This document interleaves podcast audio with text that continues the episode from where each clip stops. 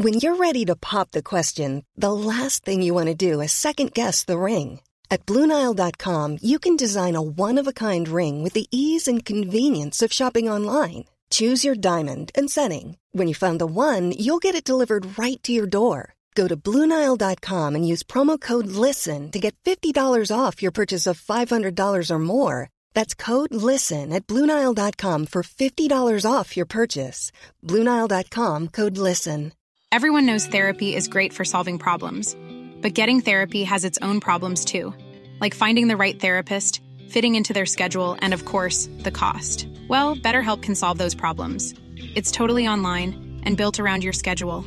It's surprisingly affordable too. Connect with a credentialed therapist by phone, video, or online chat, all from the comfort of your home. Visit betterhelp.com to learn more and save 10% on your first month. That's BetterHelp H E L P.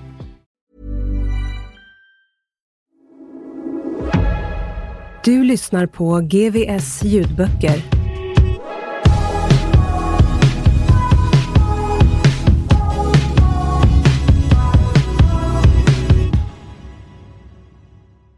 Kapitel 8 Om pappa inte är hemma när du vaknar ikväll så kommer han snart. Patrik minns dygnet då han blev pappa i små korta klipp. Han avtjänade ett fängelsestraff för värdetransportrån på anstalten i Mariefred och hade fått särskild permission för att kunna åka till Eskilstuna där hans flickvän Maja skulle föda deras son. Det första klippet utspelar sig i sjukhusets kafeteria där Maja och hennes syster satt och väntade när Patrik kom fram. Maja undrade om han hade tagit något. Patrik hade tagit heroin men svarade nej på hennes fråga. Heroin var egentligen inte hans grej, men det var den enda drogen som fanns inne på anstalten för tillfället och vad som helst var bättre än ingenting. Nästa minnesbild Patrik har är från själva förlossningsrummet. Det fanns två sängar. På en låg Maja och krystade, på den bredvid låg Patrik och halvsov. Det här är mycket för Patrik också, sa Majas syster som för att försöka försvara eller åtminstone förklara varför han bara låg där. Det fanns en toalett också. Där tog han det heroin som han hade smugglat med sig till sjukhuset för att kunna hålla ruset igång. Förlossningen tog mellan fem och sex timmar. Det har Patrik fått berättat för sig i efterhand. Och en tidig morgon i september höll han Simon i sina armar för första gången. Han förstod att han var med om någonting stort, men själv kunde han inte känna något alls. Ett par timmar senare var det dags för honom att återvända till anstalten igen. I bilen på väg tillbaka till Mariefred var allt Patrik kunde tänka på att vakten inte skulle se att han var påtänd. Ett par dagar efter förlossningen tog drogerna på anstalten tillfälligt slut och när Patrik för första gången opåverkad pratade med Maja i telefon kom sorgen. Sorgen över hela situationen. Att han satt i fängelse samtidigt som han hade en familj på utsidan att han hade varit drogpåverkad vid sin sons födelse. Men med tiden lättade sorgen och Patrik återgick till en vardag präglad av träning, steroider och narkotika. Maja och Simon kom på besök, men Patrik har idag svårt att skilja de olika besöken åt. Han kunde inte känna det stora i att vara pappa. Inne på anstalten var han så gott som alltid påverkad av något preparat och det hände att han var det även under besöken. Simon var världens finaste grabb men jag kunde inte ta det ansvaret. Jag pallade helt enkelt inte. Jag stötte bort alla som betydde någonting och var inte ens alltid hos Maja och Simon på mina permissioner. Ändå lyckades han bra med sitt dubbelspel under tiden på Mariefred och Maja fortsatte hoppas på en framtid tillsammans med sin nya familj.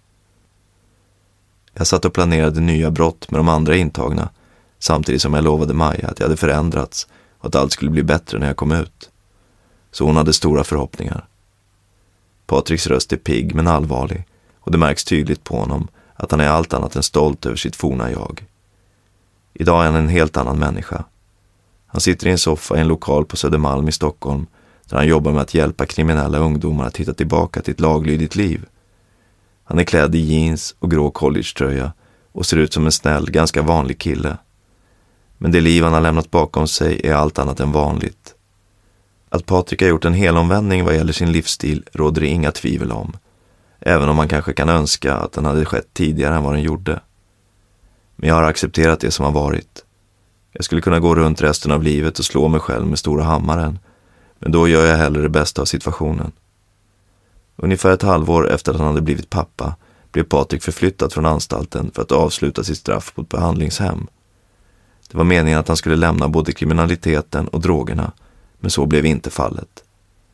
Fram till dess hade Maja haft överseende med hans snedsteg, men när hon insåg att han inte ens tänkte ge behandlingsprogrammet en ärlig chans gav hon upp och lämnade honom. Patrik tog emot beslutet med en axelryckning. Jaha, tänkte jag bara. Jag kände ingenting. Jag var helt kall. Han var van vid att ignorera sina känslor och därför kändes reaktionen helt naturlig. Sedan han lämnade kriminaliteten har Patrik på nytt genomgått ett uppbrott från en flickvän. Något som har gett honom ett annat perspektiv på händelsen. Idag vet jag hur det ska vara att göra slut och det är skitjobbigt. Men då var det som att jag sket i vilket. Strax innan hans son fyllde ett år blev Patrik återigen en fri man. Han erbjöds möjlighet att fortsätta behandlingen och bo kvar på hemmet, men såg själv ingen poäng i att stanna. Han ville tillbaka till livet innan fängelsestraffet. En av tjejerna som jobbade där sa till mig att om du går nu så kommer du få tio år. Men jag sa bara att det inte hade varit mitt fel och att jag inte skulle åka dit igen. Att sluta med kriminaliteten var dock aldrig ett alternativ. Patrik hade kvar sina vänner och sitt kontaktnät och han var tillbaka och med i leken igen från dag ett. Sin son träffade han högst en gång i månaden, oftast på Majas initiativ.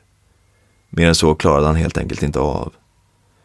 Jag älskade honom så mycket, men varje gång jag träffade honom så blev det en påminnelse om allt som jag hade förstört och allt som jag gick miste om på grund av drogerna och kriminaliteten.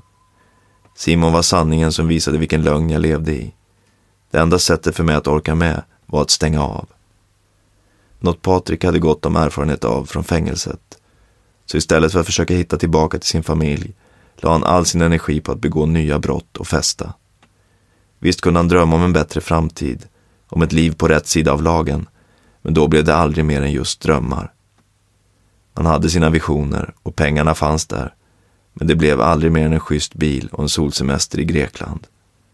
Jag och en polare var och tittade på ett café i Göteborg som vi ville ta över en gång, men det blev aldrig av. Det hade knappast varit någon framgångssaga ändå, säger han och skrattar lite. Jag känner ingen som har gått den vägen och sen lagt av med kriminaliteten självmant. Ingen.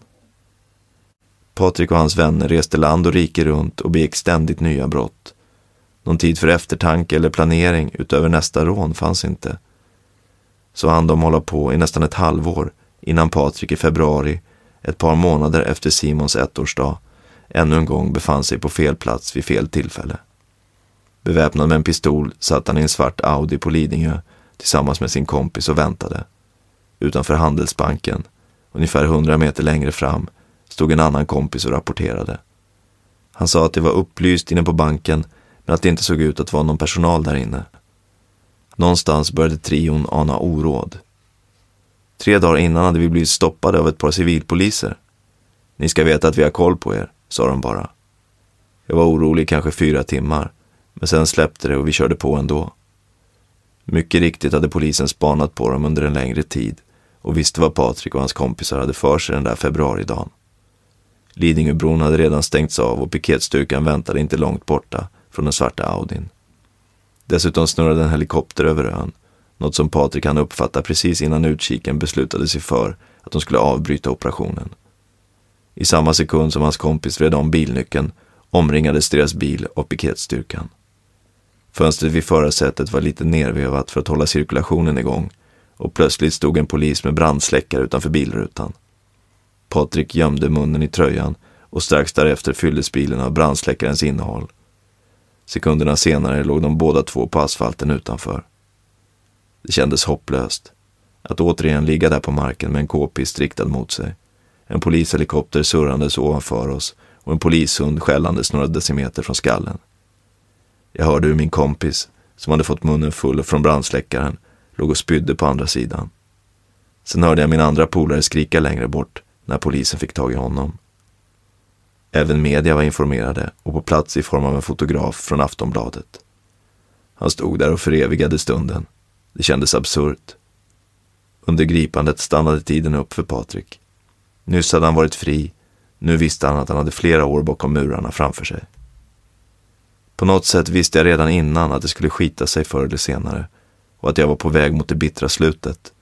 Men när det väl händer så kommer det som en chock. Samtidigt var det en befrielse att släppa taget om allt som mitt liv i kriminaliteten medförde. Jag gav verkligen upp. Patrik häktades misstänkt för förberedelse till grovt rån. I fem månader satt han häktad med restriktioner medan polisen utredde kopplingar till ett par andra rån som hade genomförts under halvåret innan gripandet. Under den här tiden fick Patrik inte ta emot några besök och hans enda kontakt med omvärlden bestod av tidningar och en tv-apparat. Under de månader som följde gripandet hade Patrik svårt att få grepp om situationen. Hans humör och hälsa skiftade enormt från dag till dag och hans tankar kring framtiden följde samma mönster. I perioder fylldes han av en enorm sorg över vad han hade gjort, men andra gånger kunde han känna ett hopp och en frihet som han aldrig hade känt på utsidan och då istället fyllas av en sprudlande glädje. Jag kunde måla upp massor av idéer och mål om att jag skulle ta tag i mitt liv nu. Inga fler brott, inga mer droger. Sen kunde jag läsa om ett nytt rån i tidningen och gå igång som fan. Då handlade det plötsligt allt bara om att jag ville ut och göra nya rån. Det upptog hela dagar, fast jag satt inlåst på grund av sånt. Andra dagar slog det över och jag blev totalt deprimerad istället. Då satt jag mest och tänkte på Maja och Simon och grät. Jag såg alla jag hade skadat och svikit och kände att jag aldrig skulle kunna lämna kriminaliteten. Det var tungt. Så där höll det på fram och tillbaka under hela tiden i häktet. Sen när domen kom och jag hamnade på en vanlig anstalt var det på med masken igen. Och med den kom aggressiviteten och drogerna tillbaka. Utöver förberedelserna till rånet på Lidingö dömdes Patrik för två fullbordade rån. Han hade hunnit med betydligt mer än så, men det han dömdes för räckte till ett fängelsestraff på åtta år och Patrik placerades på Kumlaanstalten. Han hamnade snabbt i bråk, blev betraktad som en säkerhetsrisk och sattes istället på anstalten i Malmö. Inte heller där blev han långvarig. På eget initiativ sökte han till Hall och blev strax därefter förflyttad igen. Inne på Hall var jag ganska lyckad. Vi hade kontroll över personalen där och fick göra ganska mycket som vi ville. Man tycker gärna att man är rätt bra då. Att man bara har haft lite oflyt och att det är därför man sitter inne. Men hur lyckad är man egentligen om man sitter i en cell och planerar nya brott? Patrik var sitt gamla jag igen och livet fortgick i samma anda som under hans första fängelsestraff. Simon bodde nu i Kalmar med sin mamma och hennes nya kille. Men ungefär en gång varannan månad kom han på besök och bodde ett dygn med Patrik i anstaltens övernattningslägenhet. Eftersom han inte fick vara ensam med sin son följde Simons farmor alltid med. Det kändes lite konstigt att bo med morsan. Onaturligt liksom. Man sätter på sig en mask inför henne också. Så det var svårt att fokusera på Simon. Hela situationen blir smått absurd. Man är pappa i 24 timmar och sen är man tillbaka i cellen och pissar i ett handfat. Det var i besökslägenheten på Hall som Patrik för första gången tvingades förklara för sin då treårige son var pappa bodde. Var är vi? frågade han. Vi är i ett fängelse, sa jag. Sen dröjde det två år innan han frågade varför. För att pappa har gjort något dumt, sa jag då och förklarade att jag hade tagit pengar som inte var mina från en bank. Det har inte varit så många fler frågor efter det. Tror du att du kommer att prata mer om det med honom någon gång? Jag vet inte. Som det känns just nu så skulle det vara på mitt initiativ i så fall. Men om man frågar så är det bara att berätta som gäller. Det funkar inte att ljuga. Så i så fall skulle jag vara helt ärlig. Det är väldigt skönt faktiskt. Jag undrar hur han skulle beskriva sig själv och sitt liv för sin son. Vem är Simons pappa? Patrik sammanfattar sin personliga utveckling på ett ganska effektivt sätt. Innerst inne var jag rädd, ledsen och ensam. Sen blev jag kall och ville inte känna något. Idag ser jag mig själv som känslig, modig och ärlig. Patrik funderar en stund och minns ett tillfälle under sitt andra straff då han i samtal med en av anstaltens vårdare ombads skriva ner tre positiva egenskaper hos sig själv. Jag kunde inte komma på en enda, berättar han. Tre bra saker och jag fick inte ner någonting. Först tänkte jag att jag var en bra pappa, men sen påminde jag mig själv. Du är ingen bra pappa, du sitter ju för fan inne. Sen tänkte jag att jag är en ärlig kille. Men då utgick jag ju liksom från min kriminella bekantskap och att jag var någon att lita på där. Det håller ju inte. Ärlig i den kriminella världen. Vad fan betyder det egentligen? Han lämnade pappret blankt. Patrik har stor erfarenhet av svensk kriminalvård. och har även en del åsikter om hur den skulle kunna förbättras. Han har tagit del av samtalsterapi och rehabiliteringsprogram på flera fängelser runt om i landet. Han har i princip alltid haft en blivande familj eller ett barn utanför murarna. Något som naturligtvis borde vara en användbar motivationskälla för någon att ändra sig, tycker han själv. Men de anstalter som han har suttit på har överlag varit dåliga att ta tillvara på motivationen som funnits hos flera av deras intagna. De kan i alla fall bli avsevärt mycket bättre på det. Det finns många som sitter inne med en önskan om att hitta något nytt, men som inte vågar ta steget.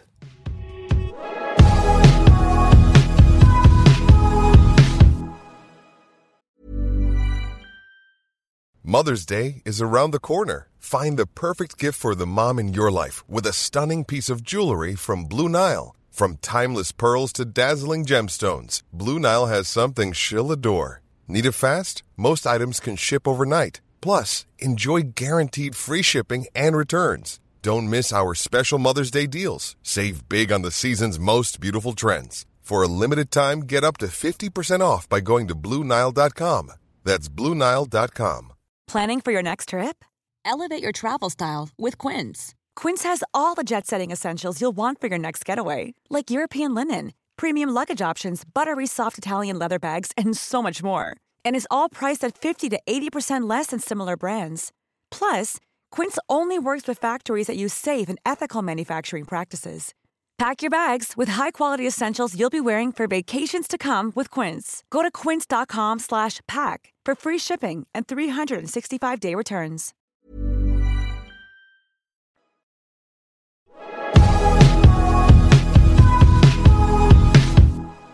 Patrik kände själv i perioder att han var villig att försöka förändra sig. Men på grund av andan på de avdelningar som han har suttit på lyckades han aldrig fullt ut. Då borde det finnas större möjligheter att sitta med andra som är motiverade. Fast framförallt måste kriminalvården bli bättre på att ta in folk utifrån. Folk som inte är vårdare på anstalten. Kanske personer som har suttit själva, men som har lämnat kriminaliteten. Att sitta med andra intagna och prata med en av plitarna om att byta bana är bland det löjligaste jag varit med om. Man sitter bara och garvar. Problemet ligger lika mycket i att det är vårdarna som håller i samtalen som i den kollektiva mentaliteten. De kan ju straffa mig om jag sitter och är för ärlig inför dem. Det jag säger är ett material som de kan utgå från. Säger jag ingenting så har de heller ingenting att jobba med. I slutändan har föräldraskapet ändå varit avgörande för Patriks nya liv. Barnen påverkar föräldrarna och Simon är min inspiration. Det är konstigt att man inte lägger mer tid på den typen av arbete. Patrik blev kvar på Hall i nästan två år innan ännu en rad av bråk ledde till ytterligare förflyttningar. Först till Norrköping och strax därefter vidare till Täby. Patriks förflyttningar grundade sig i hot och våld mot såväl personal som andra intagna. På varje anstalt som jag har varit på så har jag suttit på isoleringen. Och förutom när jag bytte till Hall så har alla förflyttningar varit för att jag har fått knall. Det var olika typer av bråk och så. Vid ett tillfälle var det en kille som blev knivhuggen, berättar han.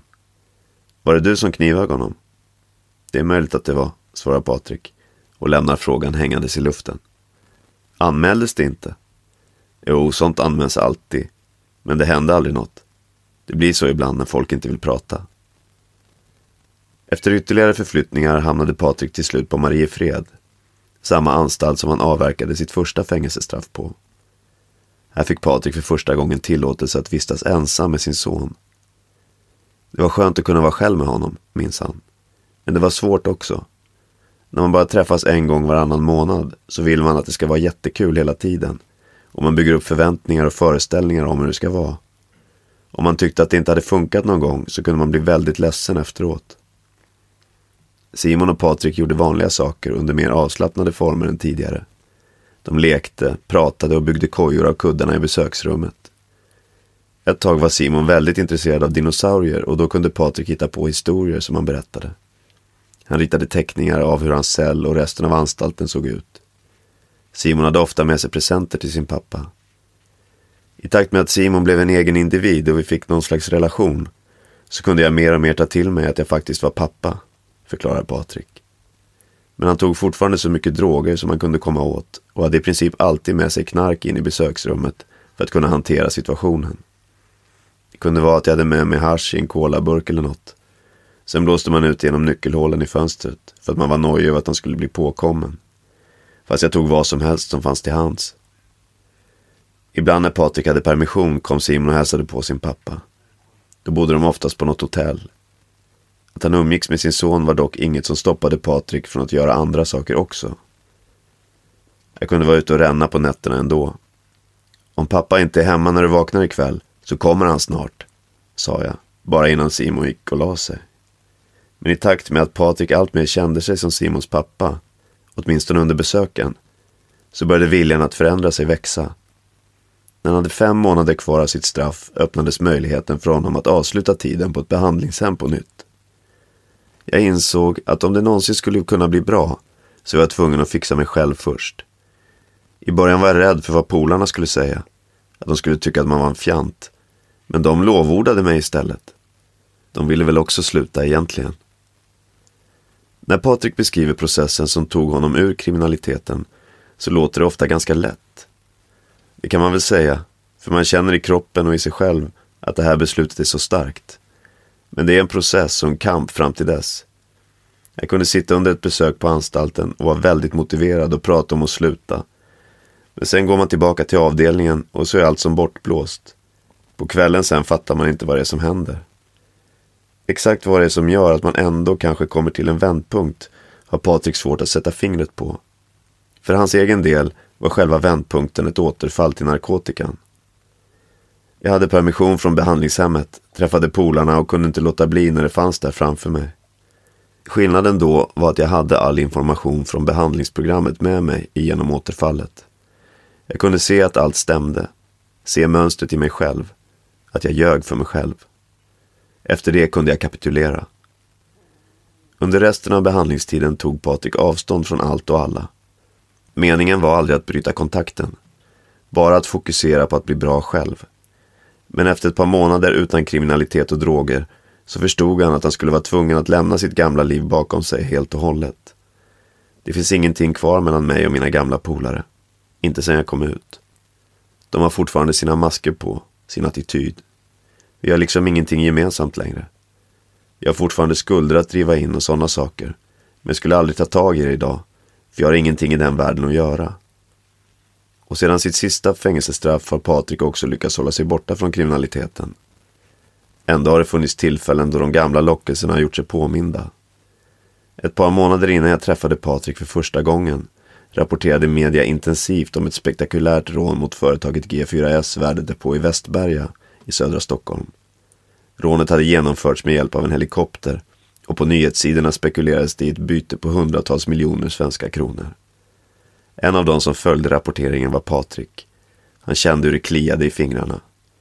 Jag var inte kontaktbar den morgonen. Jag satt bara framför datorn, berättar han. Suget efter kickarna kom igång och jag ville veta allt. Vilka var det? Hur många var de?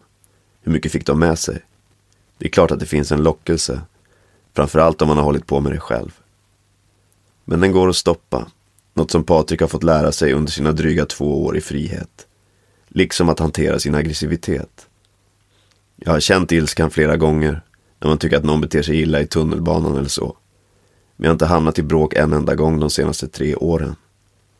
Slagsmål var något som jag gillade och såg fram emot förut. Och jag kan fortfarande få impulserna.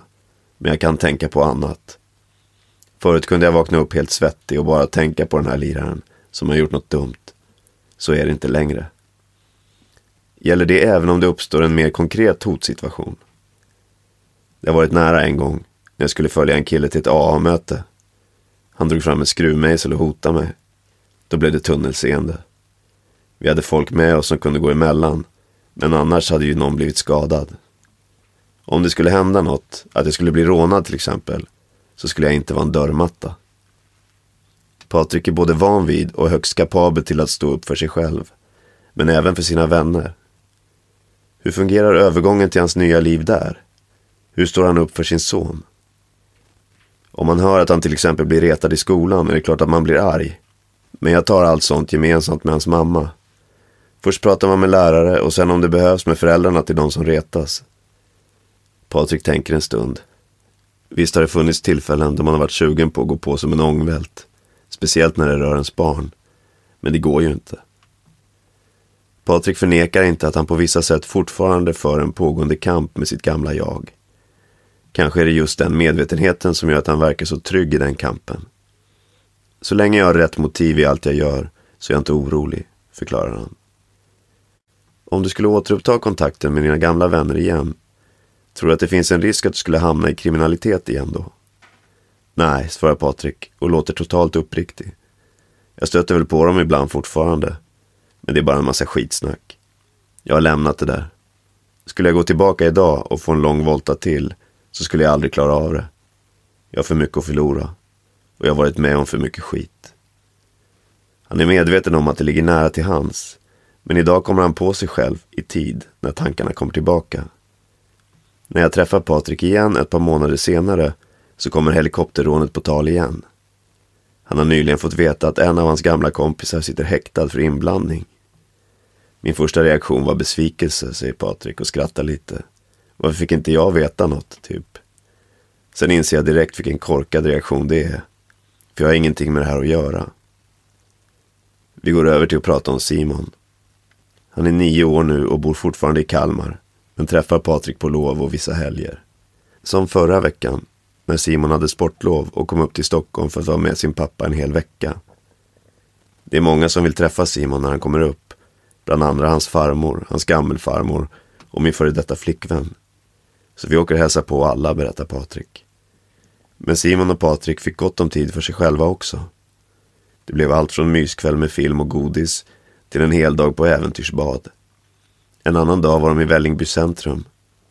Deras relation är av naturliga skäl mycket bättre nu än när Patrik satt i fängelse. Och själv känner han att Simons rädsla över att pappa ska göra något dumt igen har försvunnit. Sen frigivningen har ämnet bara kommit upp en gång. Du kommer väl inte att göra sådär på banken igen pappa? Har han frågat. Men då sa jag att jag inte skulle det och nu har oron lagt sig. Han tror att det kommer att dröja några år men Patrik är medveten om att han förr eller senare kommer att få förklara sina kriminella handlingar. Vad han kommer att säga beror lite på hur gammal Simon är när han frågar. Alltså, han är ju mycket smartare än vad jag tror. Men om man skulle fråga idag så skulle jag säga att jag var ett gäng som gjorde dumheter tillsammans. Att jag blev sedd för att jag gjorde de här sakerna. Och att jag egentligen mådde ganska dåligt. Frågar han om fem år kanske jag går längre tillbaka. Till när jag var yngre och så. När saker började gå snett. Patrik tror att Simon märker att hans pappa lever ett mer normalt liv idag. Bara det att han har ett eget boende gör stor skillnad. Men Patrik ser fortfarande flera skillnader mellan sig själv och andra föräldrar. Skillnader som förmodligen alltid kommer att finnas närvarande. På gott och på ont. Jag har varit borta alldeles för mycket från min son och jag har splittrat en familj.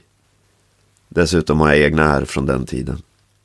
Jag har mycket att ta igen, men jag ser till att den tid jag får med honom idag i kvalitetstid. Det svåraste är att förlåta sig själv. De jag har sårat kan jag bara gottgöra genom faktiska handlingar.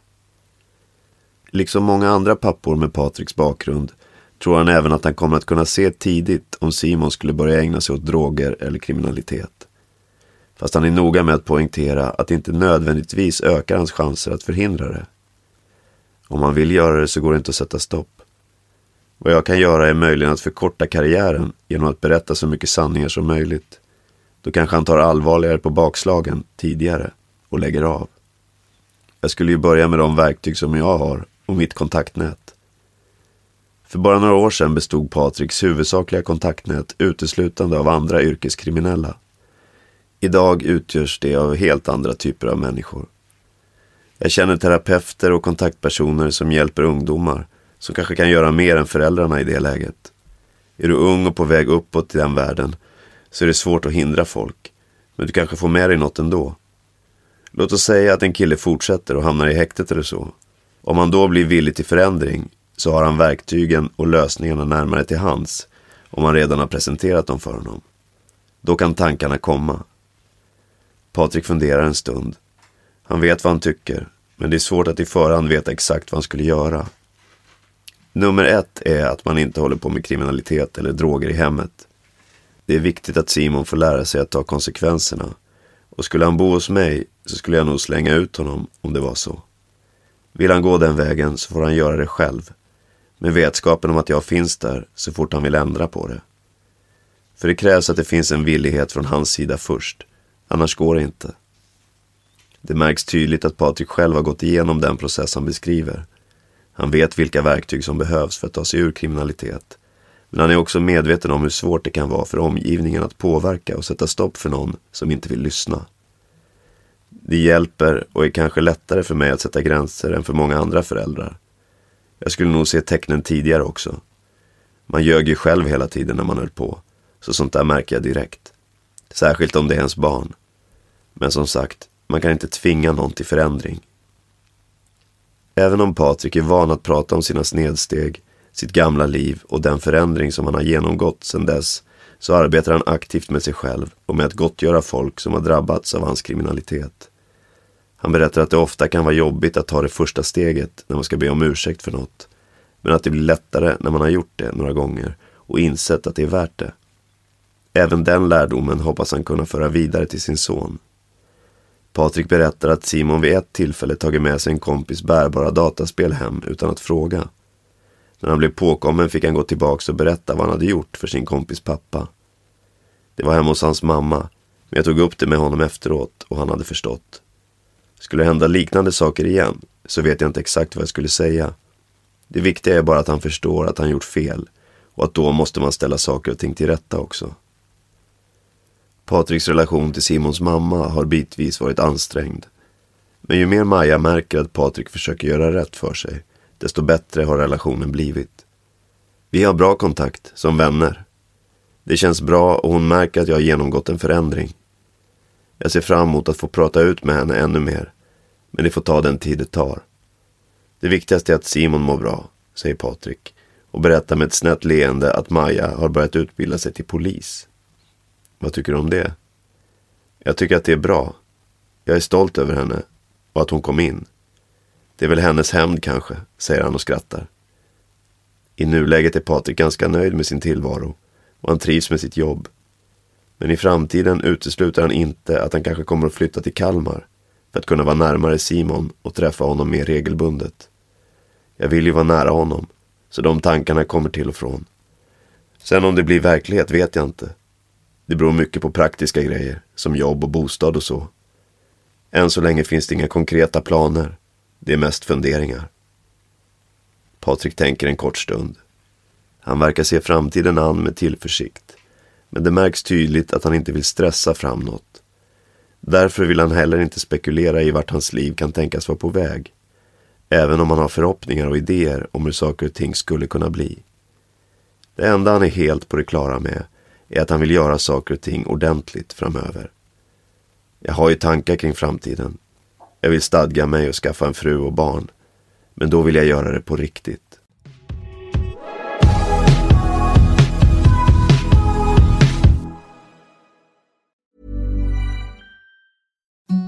Imagine the softest sheets you've ever felt. Now imagine them getting even softer over time. That's what you'll feel with Bowl and Branch's organic cotton sheets. In a recent customer survey, 96% replied that Bowl and Branch sheets get softer with every wash. Start getting your best night's sleep in these sheets that get softer and softer for years to come. Try their sheets with a 30-night guarantee. Plus, get 15% off your first order at bowlandbranch.com. Code BUTTERY. Exclusions apply. See site for details.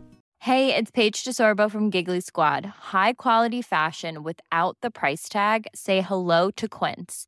I'm snagging high-end essentials like cozy cashmere sweaters, sleek leather jackets, fine jewelry, and so much more. With Quince being 50 to 80% less than similar brands. And they partner with factories that prioritize safe, ethical, and responsible manufacturing. I love that. Luxury quality within reach. Go to quince.com slash style to get free shipping and 365 day returns on your next order. Quince.com slash style.